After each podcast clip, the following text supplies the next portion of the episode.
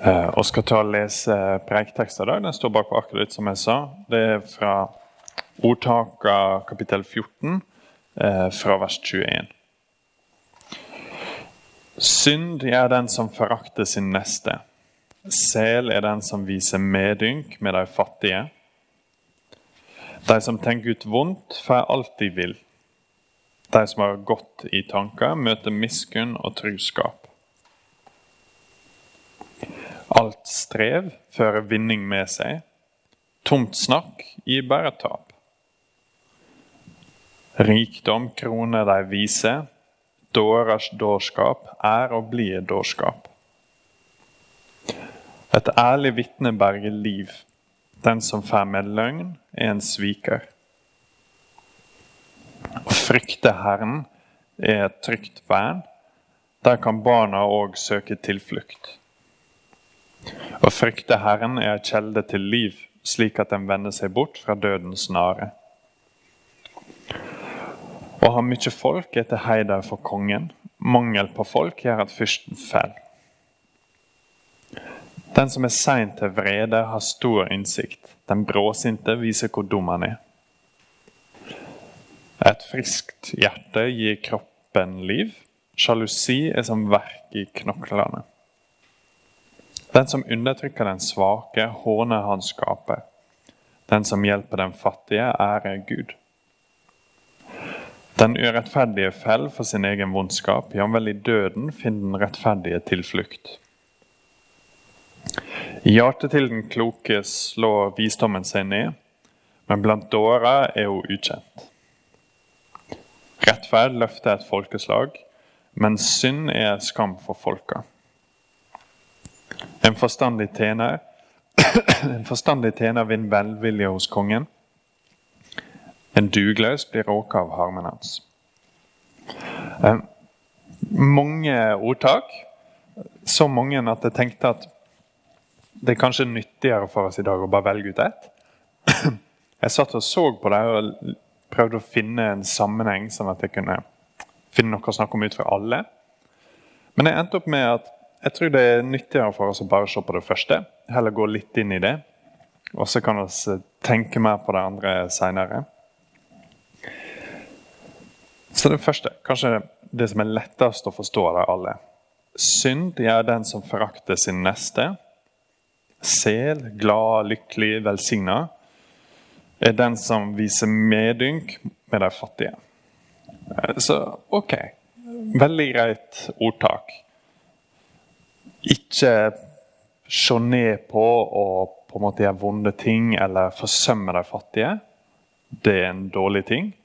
Hvis du er klok, hvis du har visdom, så er en del av visdommen at du viser medfølelse med de som er fattige. Ok. Ikke det mest overraskende ordtaket, egentlig. Men ganske spennende, hvis det tar litt tid å gå inn i det. For en ting som gjelder alle ordtakene i denne boka. Her er det, eh, De fleste av dem er skrevet av Salomo. Og En ting som er felles for dem, er at de prøver ikke å gjøre oss supermenneskelige. Det er ikke sånn at hvis du er eh, en vanlig, klok person, på en måte, så ok, da lever du et liv. Men hvis du har lyst til å gå til nivå over det, skal være supermann på en måte når det gjelder visdom, da kan jeg begynne å se på disse. Det er ikke det som er tanken. Eh, det er masse mer jordnært, egentlig. En av tingene som synder gjør, er at det ødelegger menneskeligheten vår. Så her er Salomo, og gjennom han som virker Gud. prøveres menneskelige igjen. Det er snakk om å bli mer sjenerøs igjen og bli mer ydmyk. Eh, rett og slett en visdom som ikke tar oss vekk fra menneskeligheten vår, men som gjør oss mer menneskelige. Og da er en av tingene her Vær sånn som Jesus. En som ikke forakter sin neste, men viser med, medynk med de fattige. Um, og Når jeg tenker på dette, så, så dukker det opp en del spørsmål, eh, for min del iallfall. Hvor relevant er det i sykkelen egentlig? Det er ikke så mange her som sitter på gatene og tigger. Jeg kanskje ikke har ha sett noen. Kanskje dere har gjort det? Og Det er gjerne det å tenke på når det er ok, visdommen sier at vi skal vise medfølelse mot de fattige. Av og til så blir det for oss akkurat det samme som å gi en hundrelapp til noen som sitter og tigger. Hvis de ikke er der, eh, hva skal vi gjøre da? For det første så er det en litt større ting som det er snakk om her. Det er ikke kun snakk om å gi gave til folk som trenger det. Det er snakk om å se Gud sitt bilde i alle folk. Så En ting som alle har til felles, er at vi er skapt i Guds bilde. Og Det er noe som du gjerne hører at folk trekker fram når de snakker om dette. Det er viktig å vise medfølelse med alle, for um, alle er skapt i Guds bilde. Og Av og til så blir det sagt litt sånn fort, som en litt liten ting. Men det er faktisk kjempeviktig. Det er en ting som vi hører så ofte at vi kanskje går litt, litt lei av det. Men tenk på det. Gud har skapt den personen som du møter, som trenger noe. Han har satt sitt bilde, sitt stempel på den personen. Så måten vi forholder oss til andre folk, sier ganske masse om hvordan vi forholder oss til Gud på. Og hvis her er en person som trenger noe, så har han satt sitt bilde på den personen også. Så det påvirker måten vi tenker på det. Men denne uka her så tenkte jeg at ofte så er det kanskje de liberale teologene som er flinkest til å snakke om dette. Eh, Iallfall når du studerer teologi, så er det ofte de som er flinke til å sette dette på agendaen. Så Derfor tenkte jeg at når jeg skal lese om dette og forberede meg, så skal jeg lese de mest konservative folka jeg finner. For ofte så tenker vi at eh, her er en ting som hører til den liberale delen av kirka. Mens den konservative delen bare er opptatt av synd og frelse og sånn. Um, så for, for, å på en måte hjelpe oss litt til å tenke på en annen måte, så gikk jeg og fant en kar som heter Jonathan Edwards. Um, han har dere kanskje ikke hørt om, men en um, amerikansk teolog for lenge siden. Som og senere kan beskrives som en konservativ kar, men veldig opptatt av de fattige. Um, og han hadde satt opp bare masse spørsmål og svar. Så jeg tenkte jeg skulle gi dere noen av dem. Det første spørsmålet som han så på, var Ok, Bibelen sier at vi skal ta oss av de fattige, men hva om det ikke er noen som trenger noe? Og det Egentlig så er det et ganske relevant spørsmål. For jeg tror mange av oss er åpne for å hjelpe folk, men mer eller mindre så er vi litt usikre på hvem det skulle være. Så da sier Edwards eh, Kanskje vi skal begynne å spørre? Det kan teoretisk være at det ikke er noen som trenger noe. Men hvor flinke er vi egentlig til å spørre folk? Og hvis, hvis det var oss som plutselig ikke hadde et behov, hvis vi var syke og hjemme alene og så tom for energi at vi ikke klarer å hente spybøtta engang. Eh, da er det faktisk kjekt at noen spør deg. Går det bra med deg? Trenger du at jeg stikker innom? og sånn og sånn. Så ok, av og til så er det ikke sånn at å ser behovet med en gang. Men det fritar ikke oss ifra ansvaret. Vi må faktisk aktivt sjekke, for det hadde vi hatt lyst til sjøl.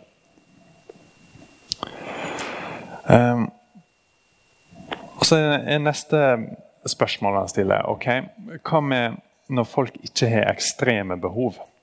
For én ting er hvis det er ekstreme behov. Hvis, hvis, du på en måte får høre at naboen din ikke har spist mat på ei uke og er i ferd med å svelte i hjel Ok, da er det et ekstremt behov, så da stikker du bort med noe mat med en gang.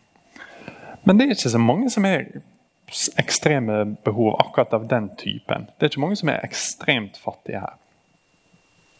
Så hva betyr det? Er det noe som på en måte fritar oss? At ok, Sel er den som viser medynk med de fattige, men hvor fattige er folk egentlig? Så sier jeg noe som jeg syns jeg likte det veldig godt, for jeg følte meg litt truffende av det. Sånn, ok, Jeg skal elske nesten vår som oss sjøl. Er det sånn vi oppfører oss med oss sjøl? Så si, si, at, uh, si, at, du er litt kaffetørst. Venter du da til du er ekstremt kaffetørst med å lage deg litt kaffe? Det er ikke sånn for meg iallfall. Hvis jeg har litt lyst på noe sjokolade, så tar jeg meg litt sjokolade. Uh, hvis det er litt rett, så legger jeg meg og sover litt. Eh, og hvis jeg er litt syk, så sier jeg til kona mi at jeg holder på å dø, og at hun må eh, redde meg. Hun er heldigvis sykepleier. Um, så Edwards Edward sin logikk der er at med våre egne behov så er oss heldigvis det er noe egentlig en god ting, ofte ganske flinke til å hjelpe oss sjøl. Nå har jeg litt lyst på kaffe, så da tar jeg meg kaffe. Det blir masse kaffe og kake etterpå. så Hvis du bare vil sitte igjen med én ting fra preika, så er det at det er ok å spise kaffe og, Nei, spise kake og drikke kaffe. Eh, men poenget har seg med oss sjøl så venter ikke oss på ekstreme behov. Å spise mat daglig, heldigvis, og sove hver natt. Så sammen med andre folk. Og hvorfor skal vi bare hjelpe dem når de er døden nær? Av og til så kan det være at måten å vise medfølelse med folk på, er at Har du litt lyst på kaffe? Vær så god. Det trenger ikke å være Jeg har aldri smakt sjokolade i mitt liv, og nå var du den første som ga det til meg. Og faktisk helt sånne små ting Eh, kan være en del av at hjertet våre blir litt mjukere, litt mer åpne for det Gud gjør i oss. Som igjen plutselig kan åpne oss for at det ser større behov og større muligheter. Eh, så sier han han har en lang liste med sånne spørsmål, men jeg kan ta ett til. Han sier hva om vi ikke har noe å gi av? Ok, Så du, du møter en fattig person, og så har ikke du noe å gi. Da er oss fritatt. Du trenger ikke å gi til noen hvis du ikke har noe å gi. Eh, der er enke som Jesus møter i jeg lurer på om det er Matteus 12, eller noe sånt. Som, eh, han sitter og ser på folk som gir penger til synagogen. Eh, og Så kommer hun og gir bitte litt, og så sier han at hun ga mer enn alle andre, for hun ga av det eneste hun hadde til å leve. Ikke sant? Ofte så leses den historien litt feil, tror jeg. Som om Jesus sier at vi skal gå og gi de siste ørene våre. Men hvis det er sånn at hun har gitt det siste hun hadde å leve av, så kommer hun til å dø. Nå har ikke mer å leve av, og med mindre det skjer noe nødhjelp, eller noe sånt, så dør denne dama. Og så vet en del om eh, de religiøse lederne på den tida at det var nå egentlig et litt korrupt regime, og Jesus anklager dem for at dere spiser enke ut av huset. ikke sant? Så jeg er ikke helt sikker på at dere skal ta den fortellinga som en positiv ting. At sånn, Så flott at hun er her og putter de siste ørene på eh, ja, oppi offerkorga, på en måte. For det er egentlig veldig trist. Det var masse bedre hvis hun kunne fortsette å leve. Så hvis vi faktisk ikke har noe å gi, så så er vi fritatt fra det. Da kan vi heller be om hjelp.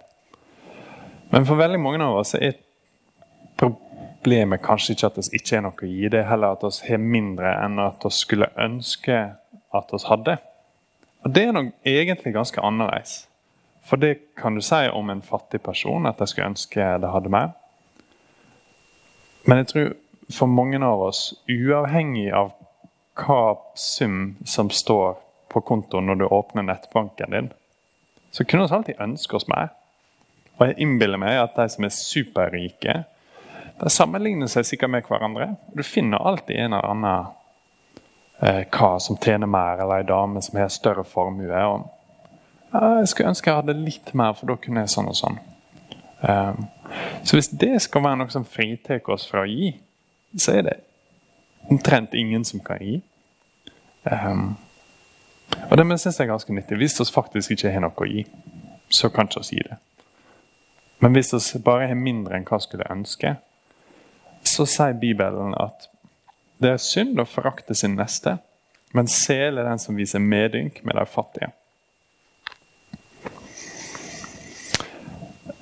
Det å snakke om nå, jeg vet ikke hvordan det er for dere, men for meg er dette ofte noe som skaper dårlig samvittighet. Um, og det det er ikke målet mitt med det jeg sier. Egentlig så er det motsatt. For det er ikke sånn at vi ikke gjør noe for folk som trenger det. Faktisk jeg tror jeg vi gjør ganske masse mer enn vi er klar over sjøl også. Si at jobben din er at du jobber i møbelindustrien. Så tenker du å, jeg skulle ønske at jeg kunne gjøre noe for de fattige. Eh, men det er ingen som tigger på gatene i Sykkylven, så jeg vet ikke hva jeg skal gjøre. Det sto i Nytt i uka denne veka at nå er det en gjeng som er i Nepal og hjelper dem å starte møbelindustri. Så dere det? Det var bare en liten sånn, eh, en liten side om det. Så faktisk, i et land med behov Det er noe det store jordskjelvet der en del år tilbake, og det er en del behov i Nepal. Så tenker vi å, så flott at de har møbelindustri.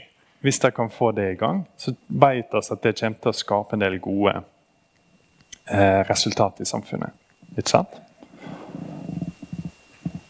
Men det må da også bety at hvis din jobb er å jobbe i møbelindustrien i Sykkylven, så er du indirekte faktisk med på å hjelpe de som er trengende i bygda her. Både de som trenger en skikkelig god stol å sitte i, eller en sofa, men også at du jobber, du er med å betale skatten din.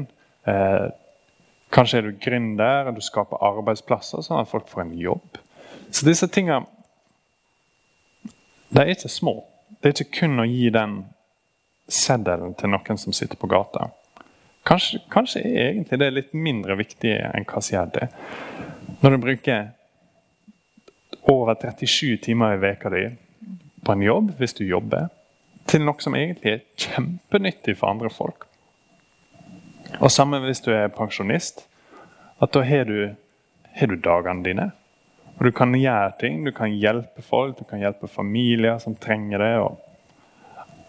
mange av oss ser hvor nyttig det faktisk er med de som eh, har gått ut av det vanlige arbeidet og nå jobber som pensjonister. Så jeg, jeg tror jeg sier mer enn oss er klar over sjøl. Så, og ofte så har jeg litt dårlig samvittighet for de små tinga.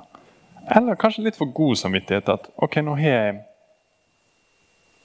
nå har jeg gjort én ting denne veka. Da, da, er jeg fritatt. Da er Gud glad i meg, og nå er jeg en sånn person som er sjenerøs. på en måte. Um, jeg tror denne teksten den utvider oss til å tenke litt større om det. Kanskje begynne å be litt skumle bønner som Gud, vis meg folk som faktisk trenger noe, og hjelp meg å møte de behovene. Den type bønner er ganske skumle, for Gud liker veldig godt å svare på dem. Plutselig så ser du masse behov som du ikke så før. Og Det sitter litt i saksa, egentlig. Men det er et løfte i tekster også, om at sel er den som viser medynk med de fattige. Det er, ok, det er bra å gjøre det uten tanke om egen vinning, men det ligger faktisk egen vinning i det. Her er det snakk om det kloke livet som er et godt liv, og som faktisk fører masse glede tilbake til oss. Og vinning på en haug med måter. Ok, men hvordan skal vi få krafta til å gjøre dette? For igjen Ingen gjør sånne ting godt av dårlig samvittighet.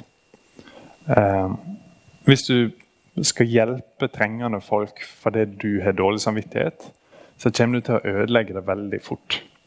Så si, si at du har funnet ut at behovet du skal møte, er folk er ensomme. Folk trenger å ha noen å spise mat med av og til, så du inviterer dem hjem til deg fordi du har dårlig samvittighet.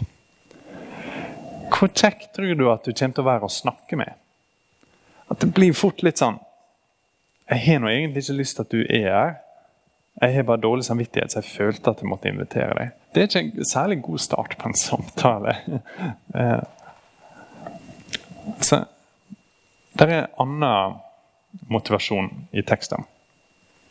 Som egentlig ikke staver ut her, men som vi ser når vi ser på Bibelen som en helhet. Og det er at Måten å motivere oss til dette er ikke med å på en måte skvise på samvittigheten vår til å til slutt finne ut at ok, da jeg skal gjøre et eller annet for da blir det minimum. Måten det funker på, er at å se Jesus sin sjenerøsitet til oss. Hvis vi har lest Nye testamentet, så er det ganske tydelig at hvis han bare hadde stoppa litt og vurdert hva oss fortjente sånn, hva, Ok, jeg ser behovene deres, men fortjener de egentlig at jeg skal gjøre en innsats for dem? så hadde vi vært uten Gud. Og så hadde vi vært uten frelse og uten håp i Jesus. Og Hvis han hadde holdt igjen litt på sin sjenerøsitet, så hadde vi også vært fattige. Da hadde det åndelige behovet vårt vært ekstremt. Så det Bibelen gjør, er ikke å gi oss dårlig samvittighet. Måten den på en måte oppmuntrer oss til å ta oss av de fattige, den viser oss at det er viktig. Og så lover den et nytt hjerte. At når vi ser hvem Jesus er, når vi tar imot ham, eh, og når Den hellige ande kommer inn i livet vårt og jobber med oss, så forventer vi en gradvis utvikling. I at vi blir flinkere å se behov og flinkere å møte dem. Vi forventer ikke en total utvikling. Så derfor er folk som eh, står utenfra, kanskje.